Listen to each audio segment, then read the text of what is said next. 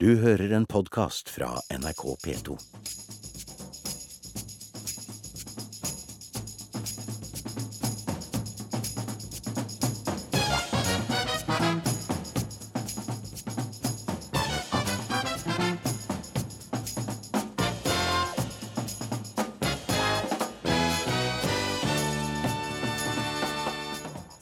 Tom Cruise og Mission Impossible får stenge ned Prekestolen i hele ni dager, mens turistene blir stående igjen på parkeringsplassen. Helsikes Tom Cruise, få han ut, da.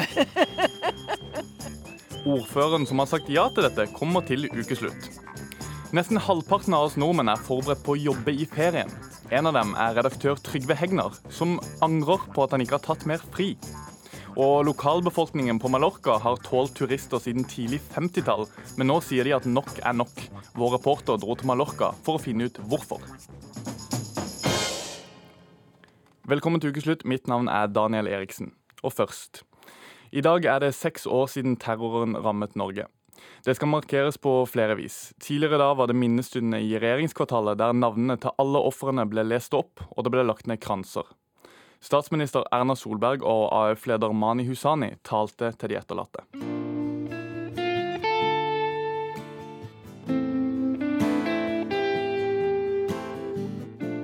Denne grusomme dagen for seks år siden ble 77 mennesker drept.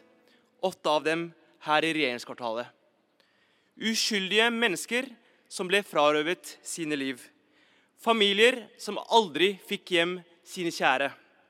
Og enormt stor sorg som merket så mange for livet. Vi bruker dagen til å minnes de som døde.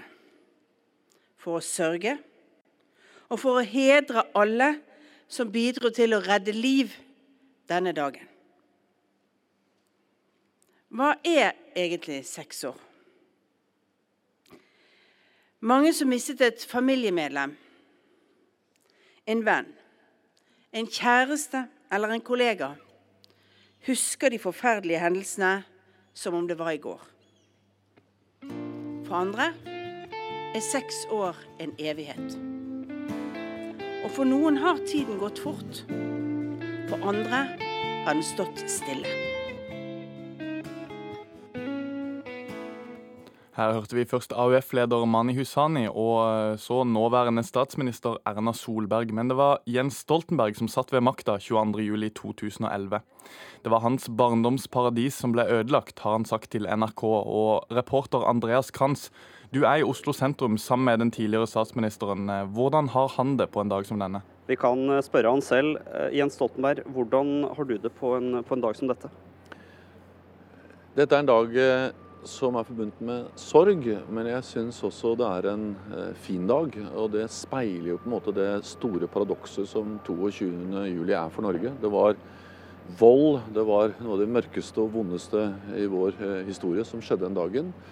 Men det mobiliserte også noe av det fineste i Norge. Eh, rosetogene, samholdet, omsorgen. Så det er veldig blandede følelser 22.07. Du har sagt at det var utfordrende for deg å kombinere alle rollene du hadde 22.07. for seks år siden. Du var statsminister, men samtidig så kjente du mange av de som ble drept og skadd. Hvilke erfaringer har du tatt med deg fra det? Så 22.07 handler jo først og fremst om de som ble drept, skadd og deres nærmeste. For meg handlet jo 22.07 om at eh, jeg hadde mange roller. Jeg var statsminister i det landet eh, som ble angrepet. Det kontoret, statsministerens kontor, som ble bombet. Partileder for den ungdomsorganisasjonen som ble angrepet på eh, Utøya. Eh, og så var jeg privat veldig berørt, fordi jeg kjente mange av de som ble drept, og mange av de som mistet sine uh, nærmeste. Så, så, derfor vil 22.07 alltid være med meg, alltid prege meg, være en del av mitt liv, min identitet. I et intervju med NRK som er publisert i dag, så sier du at ungdomsparadiset ditt, som, som Utøya var, ble, ble, gjort om til et helvete. Hvordan er det for deg å komme tilbake til Utøya etter alt som har skjedd? Ja, det er på mange måter litt som å være her i regjeringskvartalet. En, en veldig motsetningsfylt opplevelse av noe veldig fint og veldig vondt samtidig. Jeg forbinder jo Utøya med livsglede, eh, ungdom, pågangsmot. Nærmest en sånn naiv tro på at det går an å forandre verden, som ungdom tror når de er politisk aktive. Eh, jeg har vært på Utøya hver eneste sommer siden 1974. Det har vært en viktig del av min, eh, mitt liv, min ungdom. Så det var mitt ungdomsparadis som ble et helvete 22.07.2011. Og det er igjen det kontrastfylte som preger Utøya. Og jeg syns at AUF har greid å ta vare på det. Både ta øya i bruk, men samtidig gjøre også øya til et sted for å minnes eh, og en plattform for å bekjempe hat og eh, ondskap. Så eh, de får til begge deler. Hvordan mener du totalt sett at 22.07 har forandret Norge? Så Grunnleggende sett så er jo noe av Norges seier at vi ikke ble forandret. At vi sto opp for åpenheten, for tilliten. Og det er jo den viktigste seieren i kampen mot vold, mot terror. At vi ikke lar oss skremme til taushet. Samtidig vil jo 22.07 alltid være en del av Norges historie, det Norge er. Og ikke minst er det en del av det bildet eh, folk der ute i verden har av Norge, eh, på godt og vondt. Takk skal du ha, Jens Stoltenberg. Denne uka kom det fram at en stor Hollywood-filmproduksjon får stenge tilgangen til Preikestolen i hele ni dager i slutten av september. Det er det ikke alle som liker. Jeg syns det er aldeles forferdelig. Det jo, må jo være viktigere for turistene enn for Tom Cruise. Jeg syns det er veldig bra, ja. For det er ikke hvor opp til Hollywood-skuespillere som kommer i Norge. Så det er veldig bra, syns jeg. Nei, det er jo allemannsretten, da. Alle skal ha lov til å se på Brekestolen. Og vi trenger jo ikke så mange nye turister eh, på Brekestolen. Det er ganske lang kø allerede for å komme seg dit. Men det er jo bra for norsk turisme, da. Så det er jo både pluss og minus. Det er helt vanvitt. Ja. Det er jo galt, det. Det må få være turister der. Ja, hvorfor det? Ja, Hvorfor ikke? Men det er jo veldig bra markedsføring for Preikestolen. da. Det vil jo bare tiltrekke flere turister. Det er Tom Cruise skal spille en film i Norge, det er fantastisk. Og Mission Impossible, ja, dessverre da. Hva hadde du tenkt hvis du kom som turist og skulle til Preikestolen, og så står Tom Cruise der og har stengt hele greia? Helsikes Tom Cruise, få han ut, da. Preikestolen er en av Norges aller kraftigste turistmagneter. I fjor sommer var det nesten 300 000 mennesker som tok turen opp, til tross for eh, det dårlige været i fjor sommer. I slutten av september er det utelukkende Tom Cruise og resten av Mission Impossible-teamet som får tilgang til landemerket. Og Audun Rake, du er daglig leder i stiftelsen Preikestolen. Hva syns du om at eh, Preikestolen blir fullstendig utilgjengelig i ni dager? Han blir ikke fullstendig utilgjengelig. Den fantastiske muligheten som ligger i at dette filmprosjektet er kommet til oss, gir eh, store effekter for reiselivet, både lokalt her og ikke minst for hele landet. Så, så her er det muligheter som er ganske eh, svære. Jeg forstår. Men eh, leste jeg feil på Nettavisen når det sto at eh, den blir stengt ned i ni dager? Blir det mulig for publikum å komme opp? Det blir mulig for publikum å komme opp. Det blir ikke helt eh, fram på kanten, men eh, det blir tilrettelagt sånn at gjestene store deler av denne tida vil kunne besøke Preikestolen eh, som om de fikk trø ut på stolen. En får ikke komme ut på selve platået, men på det, det er et platå rett bak, og en får se det som skjer, og får den samme utsikten. Eh, Preikestolen vil bli helt stengt i tre dager når, når filminga pågår. Vi arbeider nå med å få etablert noen tidsvinduer eh, de tre dagene, sånn at gjester òg kan besøke eh, Preikestolen-området og få den opplevelsen òg på de tre filmdagene. Men sånn at vi har alt på det rene, så, så det, det, hele summerer seg opp til For vi leste jo på Nettavisen, og det var omtrent ikke Nettavisen i Norge som ikke tok denne saken. Det var veldig populært stoff at den skulle bli stengt ned i ni dager. Men nå viser det seg at det egentlig bare selve stolen skal bare stenges ned i tre. Stemmer det? Ja, den blir, den blir, stengt ned alle de dagene. Men det blir, blir mulighet til å komme nesten ut på Preikestolen eh, de fleste dagene, med det unntaket som jeg sa i stad. Ja. Vi, vi, nordmenn er jo veldig glad i denne allemannsretten vår, som faktisk fyller 60 år i år. Der står det 'i utmark kan enhver ferdes til fots hele året'. Eh, vil du kalle dette et inngrep i allemannsretten i det hele tatt? Der er gitt en dispensasjon i forhold til friluftsloven. Eh, for dette prosjektet. Det er jo friluftsloven som, altså Allemannsretten er nedfelt i friluftsloven. og Jeg tror han er mye mer enn 60 år, den retten. Eh, den er nedfelt langt tilbake i tida. Men, men, men eh, Det kom vel en oppdatering i 1957 som er den vi, vi går etter nå? Det, det, tror jeg sikkert, eh, men retten er gammel. Det som skjer her, er at det er gitt en dispensasjon i forhold til friluftsloven og, og behandlingen etter plan- og bygningsloven. Men dette kan folka i kommunen, altså Forsand kommune, ser mer konkret om. Da går vi til Forsand kommune. Ordfører der Bjarte Dagestad. Det er jo dere som har sagt ja til dette. Hvorfor blir eh, Tom Cruise prioritert over turistene? Ja, eh, det har blitt litt polarisert at, eh, at stolen skal stenges i, i, i ni dager og, og, og sånn. Men ja, kan sånn du ikke opplyse oss om hva, hva, som egentlig er, hva, hva som ja. skal skje? Ja, det som, ligger, det som, ligger, er at det skal spilles inn en film med, med prosjektnavn Gemini. Og at en Hollywood-produksjon legges til Preikestolen i Fossan kommune er selvsagt spennende og kjekt. Kommunen har gjort en grundig vurdering bak vedtaket som gir Trunart og Jupiter Productions lov til å bruke Preikestolen for filminnspilling. Eh, når det gjelder eh, allemannsretten og sånn, så er jo den viktige. Men eh, i vårt vedtak så står det bl.a. at allemannsretten og prinsipper nedfelt i friluftslova det gjelder for området med de atterhall som det står, som gjelder etter paragraf 19. Det blir litt som paragraf, men i praksis betyr det at en gyldig dispensasjon etter plan- og bygningsloven for å stenge eller regulere allmenn tilgjengelig i utmark er overordna friluftslova. Hvem, hvem, hvem, er som bestemmer, hvem er det som sier ja? Den, den lovforståingen er avklart med Klima- og miljødepartementet. Så det er kommunen.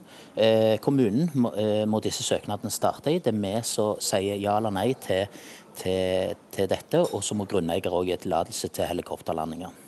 Vi, vi, hørte jo i den lille intervjuen da var før dette opplegget at det er jo ikke alle som er negative til dette. Det er jo mange som syns det er veldig kult at uh, Tom Cruise skal spille inn en Mission Impossible-film i Norge. Men den, den forrige Mission Impossible-filmen hadde et budsjett på over 1,2 milliarder kroner. Hvor mye av dette kommer det norske folk til gode? Får dere noe penger for det? Eh, en sånn produksjon eh, gir ringvirkninger lokalt for mange. Eh, lag, foreninger, catering, overnatting, transport, grunneiere. De gir ringvirkninger regionalt for fylket, Fjord-Norge, Vestlandet, nasjonalt, med Norge som reisemål og lokasjon for internasjonal filmindustri. For, for, er det noe, unnskyld ja. at jeg avbryter deg. Er det noe, jeg bare lurer på om det er noen penger i kroner og øre som de betaler til dere, i og med at de har så enormt stort budsjett? Nei, altså her går det, her, her går det til grunneiere for landingstillatelse. Det går til, jeg sier, til ringvirkninger lokalt i forhold til lag, foreninger og de som eh, tar imot disse, det crewet som kommer. Og eh, så er det jo denne her effekten som jeg igjen sa Norgesreklamen, som vil gagne hele landet som turist- og reisemål. Ikke bare Preikestolen og Fossan. Jeg vil gjerne spørre deg om det, Audun Rake. Stiftelsen Preikestolen Altså, hva, hva, hva, skjer med de som allerede har booka ferie? Eh, jeg må spørre om det først. Blir de stående igjen på parkeringsplassen og eventuelt få gå opp og se ned på stolen? Eh, kommer det til å bli noen skuffa turister? Først en liten ekstra kommentar på det med mm. kompensasjon. Grunneierne får noen kroner for bruk av arealet. Eh, stiftelsen Preikestolen og andre aktører får dekka ekstra kostnader som vi har med dette.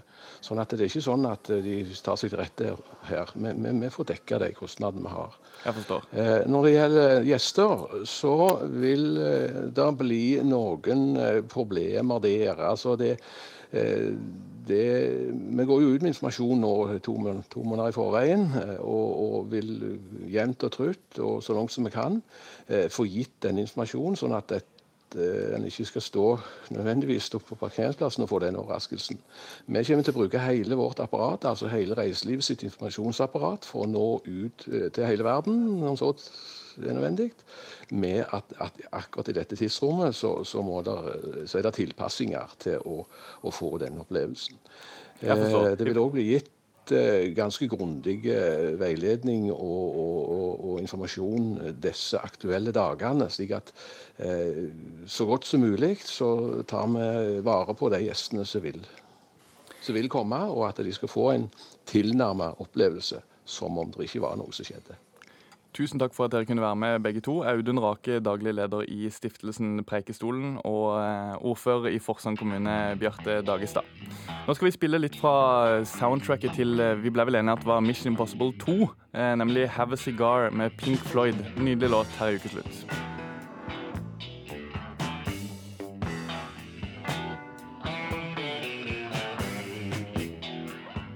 I 50 år har ferieøya Mallorca vært ja, nettopp en ferieøy.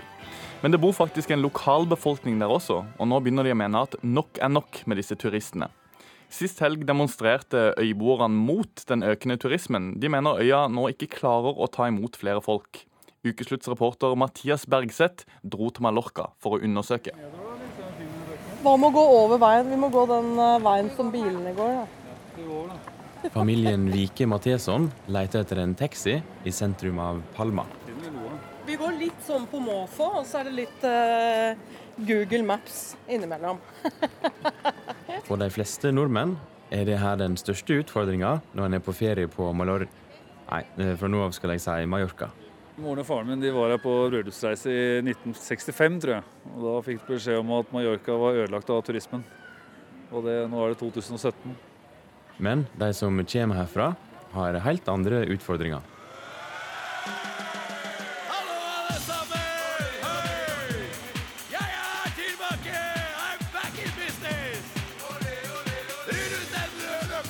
I over 50 år har de lokale her på øya funnet seg i at det er fullt av folk i hovedgatene, og bråk og fulle folk i de mest berykta festbyene langs strendene.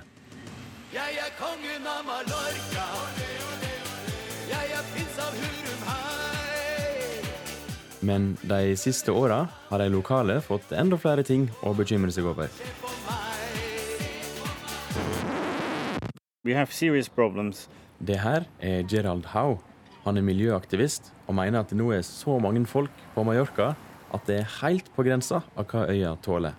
Water problems. We have uh, serious uh, waste problems. We have uh, the problems at the sewage. We have uh, too many cars here on the island. Øya er i ferd med å gå tom for vann, og kloakksystemet renner over. So uh, it's just getting now really crazy. Det har aldri vært så mange turister her som de to siste åra. 180 000 passasjerer reiser til eller fra flyplassen hver dag akkurat nå om sommeren. Og det er ikke bare nå om sommeren folk vil være her. Flere og flere kjøper eiendom på Mallorca, og det har skapt et nytt problem for lokalbefolkninga. Det her er Mark Morell. Han bor i et nabolag like nord for sentrum av Palma. The street where I live is this one here. It's a narrow street. Han er forsker på universitetet på Balearøyene, som Mallorca er en del av. Her forsker han på hvordan byen Palma blir påvirka av turismen. Det har lenge gått greit med alle turistene, men nå har turistene begynt å kjøpe og leie eiendom, også der lokale bor. People could live in their homes and go to work to tourism resorts. Now all of a sudden their homes have become a tourist resort. Så nå er her turister overalt. This is new. We in a neighborhood like the one you've got now, uh, there was never a tourist to be seen. Right? Tourists were in tourist areas. Turistene har tatt med seg turistpriser til disse nabolagene, og de lokale har ikke råd til å bo her lenger. Most of your salary goes towards the housing. Now, um, we're speaking about the ratio of about 70-80% of your salary. Mellom 70 og 80% av lønna går til husleie. Mark skal vise meg hva folk mener om det her. Inni ei smal gate peker han på et gult banner som henger ut fra et vindu i femte etasje. There you have it. There on top. And it says the city for those who inhabit it, not for those who visit it. Byen er for de som bor i den, og ikke for de som besøker den, står det. Andre plasser i byen har aktivister tagga slagord mot turisme på veggene, men det blir raskt vaska vekk av myndighetene. Now, this is not a city against people who visit it, but it means that the city has to be thought of for those who live in it on a constant basis. Litt mer sentralt i Palma er det et nabolag der det stort sett er utlendinger som eier husa. Nå er vi på vei inn i Santa Catalina, som er uh, svenskenes paradis, kan man vel si. Anne Reze har tatt meg med til Santa Catalina, en skikkelig koselig bydel sentralt i Palma. Her brukte alle fiskerne å bo, men nå er det mest svensker og briter som bor her. Det er nesten halvparten, vil jeg si, som er svenskeid her. Anne jobber som advokat her på øya, og ofte hjelper hun skandinaver med å kjøpe hus. Her har vi f.eks. et hus som, jeg, som vi var med og kjøpte for et par år siden. Tre etasjer, tre leiligheter. Det er et superkoselig hvitkalka hus med små balkonger ut mot den rolige gata vi står i.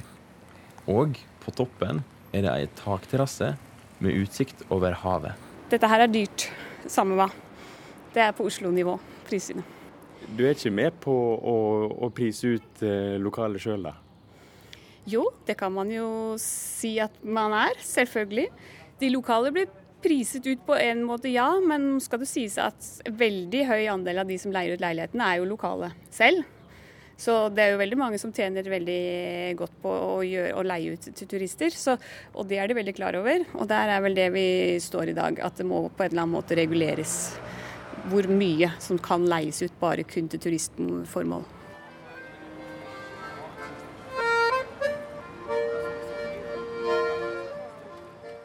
Jeg leste i avisen her at det er jo mange utlendinger som kjøper leiligheter her som har mer penger med seg enn de lokale, for de tjener mer penger. Så det er klart at de blir sikkert sure, for eiendomsprisene går opp. Jakob og Kristin Vike Matheson og de tre barna er ikke av de som har kjøpt hus i Santa Catalina. Men etter nyheten om protestene prøver de så godt de kan å ikke være til bry. Jeg kjenner at jeg er litt var på det og prøver å være sånn ekstra hyggelig når jeg handler og ikke være en sånn typisk irriterende turist, faktisk. Hvordan gjør du det, da? Jeg vet ikke, jeg prøver å late som jeg liksom Jeg prøver å være litt sånn normal og høflig og ikke masete og ja. Men familien Vike Matheson har ikke blitt skremt fra å drømme om leilighet på Mallorca en gang i framtida. Kanskje en vakker dag så er vi også en av de som har leilighet her, jeg vet ikke. Vi får se. Om noen år. Vi ønsker oss veldig leilighet her etter hvert. Det gjør vi. Så vi har tenkt å Vi planlegger når vi blir pensjonister, så skal vi ha leilighet her, og skal vi spille golf og kose oss.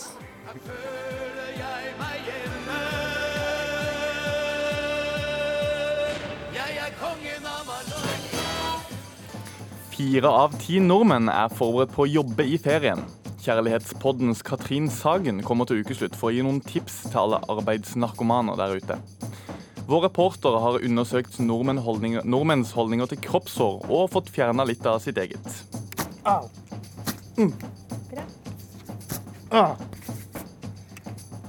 Og fy faen, heter en av årets største sommerhits. Hakim og Temur kommer og forteller om den beste sommeren i deres liv.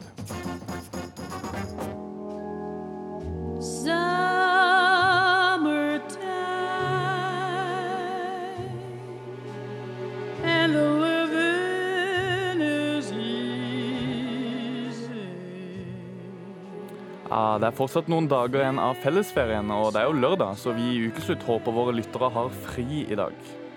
Men det holder kanskje ikke, fordi denne uka fikk vi vite at fire av ti nordmenn er forberedt på å jobbe i ferien. Det skriver Dagbladet. Vi sendte ut reporter Christian Ingebretsen for å spørre om, de syns det, om folk syns det er greit å sitte på PC-en og skrive mailer midt i fellesferien. Syns du det er greit å jobbe mens man er på ferie? Nei. Hvorfor det? Fordi du har ferie. Da, du skal koble deg av. Hvorfor er det så viktig å koble av, da? Fordi kroppen trenger det, ellers så går du amok. Ja, det kunne jeg godt gjort. Eh, Det kommer an på hvilken type jobb, og eh, ja, det er jo helt forskjellig hvilken situasjon. da. Eh, Ferie er jo ferie, så jeg pleier å kutte av alt som har med jobb. Fordi hvis jeg skal jobbe på ferie, så vil jeg ha betalt for det. Hva syns du om det å jobbe i ferien, da? Ja, det er ikke bra for meg. Helt tatt, så Hvorfor ikke? I ferien, jeg må være i ferien, ferdig. Hvis du hadde hatt en partner, eller har en partner, hva hadde du tenkt med at den jobba masse mens eh, den var på ferie? Da hadde jeg blitt irritert. Hvorfor det? Nei, for det er vår ferie. Vi skal nyte fritiden med hverandre, og ikke med jobben. Jeg hadde ikke likt det. Fordi Fordi jeg hadde ikke dratt på ferie hvis eh, han hadde tatt med seg jobben. Da kunne vi ha sittet hjemme, så kunne jeg gjort andre ting mens han hadde jobba. Folk sier de ikke vil jobbe i ferien, Trygve Hegnar, forretningsmann og redaktør i Finansavisen og Kapital. Du har vel ferie nå, men dette intervjuet her må vel kategoriseres under jobb? Nesten. Jeg, mener jo det at de fleste trenger et avbrekk eller en pause i jobben sin, i den ordinære jobben, og at eh, det er bra å ikke gjøre noen ting eller bare gå og surre eller oppleve noe helt annet eller, eller være borte fra jobben. Det mener jeg i prinsippet. Men, eh, men jeg er kanskje i den situasjonen at jeg må jobbe hver dag, så jeg er eh, litt eh, atypisk. Ja, Du har vel skrevet uh, disse lederne i Finansavisen i de siste 25 årene, hver eneste dag. Har du aldri liksom, kobla helt av? Nei, det er helt riktig, og det er selvfølgelig nesten uh, fælt å innrømme det, men jeg har skrevet leder i Finansavisen hver dag i 25 år. Det vil si at jeg da aldri har ferie, bortsett fra et par juledager hvor man da avisen ikke kommer ut. slik at uh, ferie det har ikke vært i mitt liv frem til nå, i hvert fall. Men i, I Dagbladet så leste vi at ekspertene advarer mot å ikke ta helt fri. De sier vi presterer verken bedre som individ eller som organisasjon hvis vi jobber i ferien. Føler du litt truffet av det? Eh, nei, altså jeg tror at eh, noen er laget slik at de kan jobbe hver dag i ferien år ut og år inn uten at det går utover hverken kvalitet eller livslyst eller, eller noe annet. Og så er det da noen som må ha en ferie. Og Jeg lurer av og til på om jeg kanskje ville vært en bedre redaktør og skrevet bedre leder hvis jeg hadde hatt litt ferie. Men for- foreløpig så er det ingen som har sagt at nå må jeg liksom legge fra meg pennen, så da fortsetter jeg. La oss prøve å se om vi finner noen. Katrin Sagen, du er psykolog, samlivsterapeut og står, står bak Kjærlighetspodden. Har Trygve Hegnar et problem her, eller er han bare flink til å jobbe? Det høres på meg ut som at han eh, er ganske flink til å jobbe, egentlig. Men eh, det er klart, han sier jo selv òg at dette med å eh, koble av er viktig. Og det, vi er jo litt ulike, vi mennesker, hvor vi henter energi. Og det er jo mange som henter energi i jobben sin og på en måte klarer på en eller annen måte å koble av og jobbe samtidig. Hvorvidt det er bra for parforholdet eller ikke, det er kanskje en annen diskusjon. Jeg lurer veldig på, dette, Du sa litt at dette er individuelt, litt fra person til person. Men denne regelen med å, at man må koble av litt i løpet av en uke, en måned, et år, et eller annet, er den for alle mennesker, eller er det fortsatt litt forskjellig? Tror, altså Mennesker vi knekker jo sammen hvis vi aldri kobler av, så koble av er jo viktig. Eh, For parforholdets del så er det noe som dette med å vende oppmerksomheten mot hverandre, koble vekk alt annet, som vi hørte de innledningsvis som reporteren snakket med. Man blir skuffet hvis partneren forsvinner hele tiden og på en måte har blikket vendt bort eller lar seg distrahere. Og jobb er jo en distraksjon som er på en måte 100 der er man inne i noe annet. Hegnar, har, du merka de i andre relasjoner, i venner, familie, kjærlighetsforhold, at, at det kunne vært greit å ha hatt perioder der man faktisk kan legge ting helt, helt bort? Hegnar, har du forsvunnet helt? Kanskje han har kobla seg helt av og tatt ordentlig fri? Han tok seg fri, han nå. Han tok seg ordentlig fri. Da prater vi litt mer med Katrin Sagen. For jeg lurer litt på dette med, eh, I den Dagbladet-artikkelen så står det at batteriene må lades helt opp. Eh, Men jeg lurer på om det er sånn vi mennesker funker? At, at vi på en måte går inn med, i ferie med 17% batteri, og så kommer vi ut av ferien med 100% batteri? Er det så enkelt? Eh, kanskje litt i en ønske, ønskeverden. Jeg tror ikke at vi klarer å lade helt opp. Og det har dessverre nok blitt litt sånn at hverdagen den er jo for mange veldig fylt av tempo og ansvar og arbeidsoppgaver. Og det er vanskelig på en måte å finne tid til både å slappe av, men også det å være sammen med de viktige personene våre, partneren, venner, barna våre. Og ferie er jo på en måte der hvor vi forventer at vi både skal være sammen, hygge oss, vi skal slappe av, vi skal gjøre alt mulig. Og jeg tror at mange glemmer litt at ferien nettopp handler mye om å prøve nettopp å ta ned tempoet, og ikke legge så mange planer, nettopp for å, å orke den der hverdagskjøret som kommer når ferien er slutt. Jeg forstår. Jeg, jeg tror Trygve Hegnar tok det rådet vårt om å koble litt for bokstavelig, så han kobla seg av. Men nå er han på igjen. Trygve Hegnar er Ja. med oss. Ja, jeg er med. Det er veldig hyggelig. Jeg tenkte å spørre deg om, om du hadde merka dette med, eh, med at du faktisk har eh, på en måte vært på jobb hver eneste dag de siste 25 årene. Hvordan du har merka det i andre relasjoner? For det høres ut som det er greit for deg. Ja, jeg er ikke sikker at jeg har vært verdens beste samlivspartner. Det er sikkert ikke så lurt. Og det er jo litt spesielt hvis man da skal stå opp klokka seks, halv syv og skrive ledere fra halv syv til halv ni, ni hver dag. Så jeg, altså jeg merker jo på det at folk syns det er litt snålt. Og, og det er ikke alle mennesker som syns det er så gøy å ha en partner som da gjør det. Og jeg har jo også en liten drøm, det må jeg få lov å innrømme når jeg først er på lufta. Jeg tenker jo av og til at det er litt tåpelig at man da har tatt påtatt seg den jobben og, og, og skriver hver dag og jobber hver dag.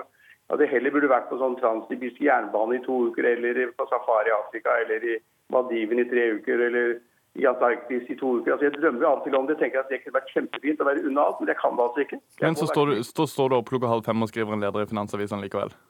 Ja, så står jeg på skriven leser hvis det er tilgjengelig informasjon, og hvis det er tilgjengelig datakapasitet, så gjør jeg det uansett hvor jeg er i verden. Hegnar, eh, kjenner du arbeidsmengden i det hele tatt på helsa? Jeg tror ikke det. Jeg har ingen som har advart meg, ingen som har sagt det. Men eh, det kan jo godt tenkes at man blir litt sløv av å holde på sånn hver dag. Men Jeg har ikke merket det, og jeg håper at inderlig at eh, folk som er rundt meg, eller i redaksjonen i Finansavisen eller andre steder, sier fra hvis de syns at det går på helsa løs. Men hittil så er jeg helt sprudlende og oppegående og sprek.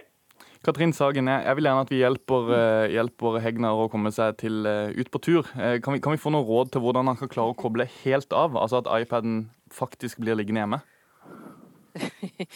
Ja, altså det er, jo, det er noe med å Jeg skal ikke legge meg opp i hvordan Hegnar skal gjøre det, men jeg tror kanskje mange vil, vil altså kjenne seg igjen i dette her presset og forventningene som både er fra jobb og partnere, alle. Og det å um, i hvert fall avtale med de rundt seg, sånn at det er helt avklart når jeg jobber og når jeg ikke jobber, vil være en lur ting. også. bare bestemme seg, altså. Nå skal jeg ha fri, nå er jeg koblet av. Av. Ikke lad telefonen, f.eks.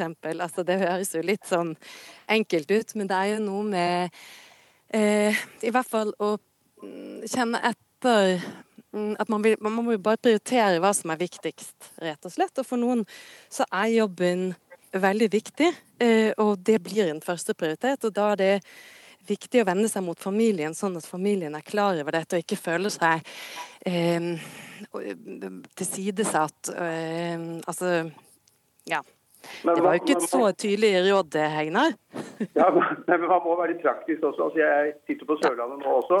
Og Da mine barn var små, så visste jo de at jeg måtte jobbe. og Da visste jeg også at jeg måtte jobbe da fra seks til syv. Og så var jeg ferdig klokken ni av ti da de var øh, da de våknet og sto opp. Og så gikk vi ned på brygga og fisket og hadde samliv sammen resten av dagen. Så det er på en måte også en organisering av ferien og av hverdagen. Jeg syns ikke du trenger noe hjelp i det hele tatt, for jeg syns dette her har du fikset så bra. For det er noe med dette jeg mener det er forskjell på å sette av en tid og jobbe eh, når det er avklart, enn å ha en sånn snikjobbing som foregår gjennom hele dagen, hvor man sjekker mail og sitter litt lenger på do, for man vil gjerne eh, på en måte svare på et eller annet eller være tilgjengelig hele tiden. Den snikejobbingen er kanskje vanskeligst for parforholdet. For det, det er viktig å vende seg mot hverandre i ferien og nettopp få lov til å, å fokusere, prate litt ordentlig og ikke bli forstyrret hele tiden. Det det er var- kanskje hoveddrømmen. det synes jeg var veldig hyggelig at vi kunne totalt friskmelde Trygve Hegnar. Er ikke det hyggelig, Trygve? Ja. Jo, jo, og, og jeg synes det var en veldig god oppsummering. Og jeg har også den, en policy om at jeg ikke har med telefonen hele tiden. At jeg skal ikke være tilgjengelig i løpet av dagen. Jeg skal ikke sjekke mailen hele dagen, som, som det ble sagt. Og man må liksom på en måte være litt praktisk og så må man være litt brutal og si at man er ikke tilgjengelig, og folk må la være å ringe. Nå skal vi uansett koble av dere begge to, for at nå må vi videre i programmet. Tusen takk for at dere kunne være med. Trygve Hegnar, eh, redaktør for Kapital og Finansavisen, og Katrin Sagen, eh, psykolog og parterapeut. Kroppshår har vært heftig diskutert i 2017, og nå er vi midt i tida der du må vise hvilket valg du har tatt, kroppshår eller ikke. Vi sendte vår reporter Fredrik Brogeland Låke på stranda. Jeg ser ikke et hårstrø. Er det ryddig, ass? Det nærmeste vi kommer er litt av veiviser, og det er på en mann. Det er sommer og gradestokken har bikka 30 grader i Oslo. Derfor har jeg tatt med meg skribent og kroppshårentusiast Ann-Katrin Andersen til Tjuvholmen for å se om folk i 2017 lar håret gro. Du noe hår der? Jeg så ikke noe hår, men hvor lenge kan man se? Men jeg så en sånn ærlig erkjennelse av at ja, nå er jeg 50, og dette er kroppen min. Det likte jeg. Da har man sikkert litt hår under armene også. Ingen kvinnelige armhuler med synlig busk, altså. Eller rygger fulle av hår, eller krøller som stikker ut av trusekanten. Tjuvholmen anno 2017 er rimelig glattbarbert, noe som fort gir mening når vi tar en prat med folk her. Hva sa du om kroppshår? No limit. Hva betyr det? Ikke akseptabelt. Jeg er kanskje litt i forkant dømmende, men eh, jeg syns det er disgusting. Rett ut disgusting. Det er lite appell. Det ser ikke alls fresht ut. Det ser smutsig ut. Ufresht. Kanskje ikke det jeg er mest fan av. Hvorfor ikke?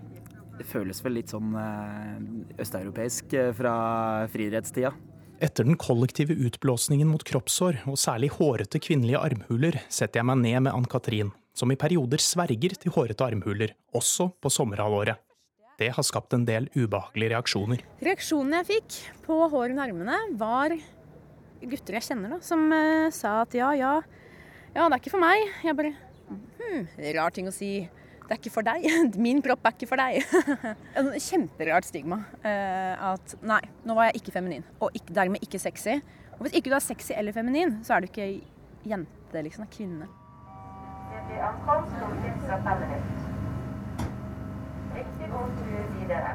I søken etter en kroppshårekspert tar jeg båten over til Nesoddtangen og møter trendanalytiker Anja Stang, som også driver en grønn livsstilsblogg. Hei. Anja, hyggelig. hyggelig. Kan fant det være greit? Ja det da, sånn. det gikk fint. Stang har skrevet flere artikler om kroppshårets utvikling og følger nøye med på nye trender og tendenser. Hun mener fokuset på hårfjerning må sees i et historisk perspektiv. At Vi har jo gjennom alle tider har jo liksom både menn og kvinner, og særlig kvinner, da, selvfølgelig lidd for skjønnheten. Og de første hårfjerningskremene inneholdt arsenikk, f.eks. Flere, år før, flere tusen år før Kristus. Jeg tror det også er fordi vi vokste opp med det veldig hårløse idealet, og lærte at fra du tatt begynner å få hår, så skal du kjøpe en barberhøvel og få bukt med det, på en måte. Eh, At det liksom er en slags fiende, da. Som så mange andre hadde Stang sine ungdomsår på 90-tallet. Et tiår som dyrket den glattbarberte kroppen, og en tid der pornokulturen for alvor gjorde sin innmarsj og bidro til en forventning om at kvinner skulle være hårløse, både nedentil og i armhulene. I dag tror Stang vi er i ferd med å gå bort fra den hårløse tilværelsen. Nå skal looken nemlig være mer naturlig. De siste ti årene syns jeg det har sakte, men sikkert da, gått i en litt sånn mykere retning. Og 70-tallet har jo vært veldig altså inn og ut jevnlig motebilde. Det henger sammen med den naturlige looken, da. Men jeg tenker at det er viktig, ja, viktig å vise at det fins variasjon. Stang mener generelt at folk har en trang til å henge seg for mye opp i hvordan armhuler og bikinilinjer skal se ut. Hun har derfor en klar oppfordring til hårkritikerne. Altså, jeg syns generelt alle egentlig burde bry seg litt mindre om hva alle andre gjør. Og det med hårvekst på kroppen uansett område burde jo være et personlig valg. Gruer meg litt, gjør det vondt? Eh, Det pleier som regel å gå veldig greit. De fleste er ganske overrasket over at det ikke gjør så vondt likevel. Mm. Etter mye prat om kroppshår er tiden kommet for å legge seg under vokspinnen. På Colosseum spa forbereder jeg meg på det jeg tror vil bli en smertefull opplevelse. Leggene mine skal avhåres. Nå legger du deg ned på benken. Eh, Hodet her. Hudpleier Bente sprayer leggene mine rene før hun smører på et tykt lag med lunken voks. Så da legger jeg på voksstripsen, og så drar jeg i motsatt retning av hva jeg la på voksen. Så strammer jeg. Var det greit? Det var greit. Med orientalsk yogamusikk i bakgrunnen river Bente leggene mine rene for hår. Én strips av gangen. Ah. Au. Au. Mm. Ah. Det går veldig fort, det her. Sånn. Kjempebra. Mens noen velger å stripse kroppen sin tom for hår, velger andre å omfavne kroppens naturlige vekster. Ann-Katrin, som vi møtte tidligere, oppsummerer det slik. For det handler ikke om å gi faen. Det er noen som tenker sånn Å, du barberer deg ikke, da bryr du deg ikke om utseendet ditt. Det handler ikke om det, men det handler om å liksom kjenne litt på Det føles litt digg også. Og det hang jo ikke hår. Det er jo ikke sånn at det gikk, hadde hår ned til rumpa. Det var litt hår i armgropen. Det, noe, det er ikke noe krise. Uh, og det føles på en måte, når man venner seg til det, så føles det litt fint. Ey,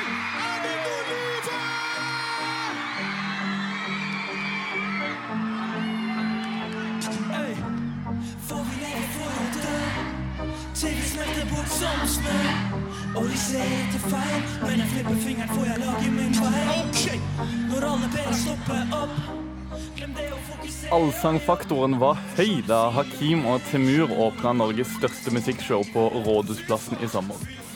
Få norske låter har blitt spilt mer enn Fy faen i sommer. Faktisk strømmet, den er faktisk strømma mer enn 23 millioner ganger. Bak megasuksessen står to unge karer fra Oslo. Velkommen til ukeslutt, eh, Abdul Hakim Hassane og Temur Baig.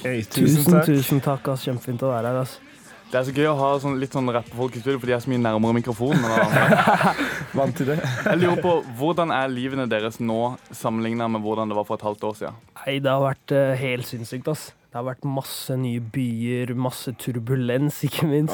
Eh, masse syngende, skrikende fans, og alle kan sangene våre. Det er helt, eh, det er helt sjukt, ass. Og vi må stå opp tidlig og så Å, fy søren, det også. Det er, det er ikke, Har dere stått opp det er ikke- tidlig, dette? Ja, Ja, det, er ikke, det er ikke som man tror. ass. Selv om man ikke går på skole, så må man fortsatt jobbe. Jobbe for det. Ja, det er mye jobbing, ass. Lite søvn og masse jobbing. Mye svette også. Men, men det har vært et gøy halvår, eller? Ja, vi har fått utforsket Norge, ass. Ja. Mhm. Norge ja, er fortell litt om det. Hvordan har det vært å liksom reise rundt i Norge? Ja, vi har vært i Bodø.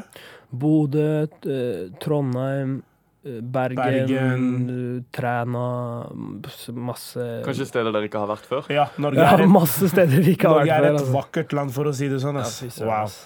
Eh, dere slapp låta og fikk, eh, fikk den med i Skam. Eh, hadde dere da sett for dere at det skulle bli så mye suksess etter at dere fikk den med på Skam? Greia er Man kan ikke det, er litt, det er litt vanskelig å spå sånne Ja. ting, føler jeg. Mm. Men greia er at jeg, etter at sangen kom på Skam, så tror jeg jeg skjønte hvor stort Skam, Skam egentlig har, da. Og, og hvor mye innflytelse det kan ha på en artist, liksom. Det var helt sinnssykt. Er det det som er på en måte toppen innenfor deres sjanger nå, å, å få låta si på Skam? Er det litt det kuleste som kan skje med en låt? Jeg tror, jeg tror det er eh, noe av det største. Altså, når Skam har en så stor eh, altså, bølgelengde, altså så mange ser på Skam, og det kan hjelpe en artist så mye. Så det, det, det er i hvert fall en av de største tingene. Ja, og greia Vil jeg, vil jeg tro. Jeg føler på en måte at vi hadde Norge, men vi hadde ikke Sverige, Danmark osv. Og, så videre, og utlandet. Og jeg følte at Skam fikk det til, da. Det fikk til liksom bare nå til utlandet. Mm. Eh, nå er låta strømma som jeg sa, 23 millioner ganger. Det er det ikke mange norske artister som kan Wow. eh, skilte med. Hva, hva er det med den låta her som, eh, som gjør at folk liker den, tror dere? Det, er, det, det er ganske fengende, og barn får på en måte lov til å si fy faen, da, Mm. uten at de får kjeft for det, på en måte. Vi bare banner i sangen, det er det folk liker. Alle okay. kan banne. Ok, ja, men Da ringer vi De Lille også, så sier vi at de skal, vi må banne litt på neste plate. Blir det noe cash av dette? Hva bruker dere penger til? Han, han har sett VG-artikler. Vi leser- vi leser VG, NRK også, Det er altså. viktig. det er viktig, viktig. Jeg brukte i hvert fall min første lønning på regninger. Altså. Jeg skal ærlig si det var det samme her. Altså. Det var um, inkasso og ditten og datten. Men vi sier det som om det ikke er vanlig. Alle betaler jo regninger. Ja, ja, egentlig, egentlig. Hele Norge betaler regninger. Det blir ingenting igjen etter liksom ferme inkasso, ferme regninger. Ja, ja, det er så... Nei, nei, nei, selvfølgelig har vi fortsatt regninger. Ja. Du, Dere er vokst opp i Oslo, men har røtter fra andre land. Denne, denne eh, måneden kom tallene som viser at uh, artister med minoritetsbakgrunn gjør stor suksess på norsk radio for tida. Det er veldig poppis. Hvorfor, uh, hvorfor tror dere det er sånn? Det er et uh, godt spørsmål. Hva, hva tenker du, da? Kanskje det kan ha noe med stedet vi er fra, Groruddalen. At vi, vi pleier å bruke ganske masse slang og så videre. Mm. Jeg, jeg tror det også har mye med Du vet, I Groruddalen og der der vi er fra, da, så er det mye, mye hiphop og Ja. rap som er in. da Veldig mye. Masse lokale, kule artister og så videre. Så jeg tror innflytelsen vi har fått fra rappen eh, Og blanda det, vi har blanda det Vi med har pop blanda også. det med pop, da, på en måte. Urbanpop. Urbanpop, ja, som du sa. Så Ja, er det rappere eller popartister? Det er Vi- vi er- begge deler. Det er ja, vi Jeg er usikker, ass. Er Nei, vi er urbane artister. Vi er det, er- Urbane, urbane artister. Ja, som på en måte er inspirert av pop. Ja, ja, ok. Ja. Men, man skjønner. Det er sånn det er, man, vet ikke, ass. Jeg vet Ja, vi er ikke pop-rappere, liksom. Det blir litt feil å si. Vi er ikke pop, men vi er Vi lager, eh, vi lager eh, musikk generelt eh, som når ut til flere folk, da. Men ikke sånn ren listepop, hvis du Mm. skjønner hva jeg mener. Fy faen, det er jo ikke en sånn veldig mainstream listepop-låt, da, ikke sant? Så Det jeg lurer på nå, er hvordan dere skal toppe den sangen der. Ja, det- Hva er planen, med, hva er, hva er planen videre? Hvordan skal dere toppe den suksessen? Ja, det kommer. Folk får vente, vente og se. Husk, vi er 20 år også. Ja, Vi ja, har ja. god, veldig god tid. Vi skal snart uh, sette i gang eh, låta her, og da håpte vi at vi skulle få For dette her er program eh, for, uh, for NRK P1s lyttere, som Mm. kanskje ikke låta har blitt spilt så mange ganger på som P3. Ja. Så nå skal vi i tillegg, hvis vi kan få starta låten nå, så skal vi bevise at det er dere to som sitter her. Du har Yes. lova meg Timur Øya første linje. Ja, ass, det skal du få. Ei, litt rusten i stemmen, det går bra. Ei. Ei. Får vi leve for å dø, til vi smelter bort som snø. Ah, det er det du får. altså. litt rustig i dag. vel. Når alle ber deg stoppe opp, glem det å fokusere og jobb. For sjalusien den brenner, skjønt at mange bror må brenne, så alle er ikke venner. Fy faen, fy, fy faen. Alle de er snacks, så det er helt normalt. Vi er her ferdig med Ukeslutt for i dag, og ansvarlig for denne sendingen het Lisa Stokke. Teknisk ansvarlig het Hanne Lunås, og jeg heter Daniel Eriksen. Takk for at du hørte på. Ukeslutt kan du høre når du vil og hvor du vil, enten på podkast eller i NRKs nettspiller. Ha en glimrende lørdag.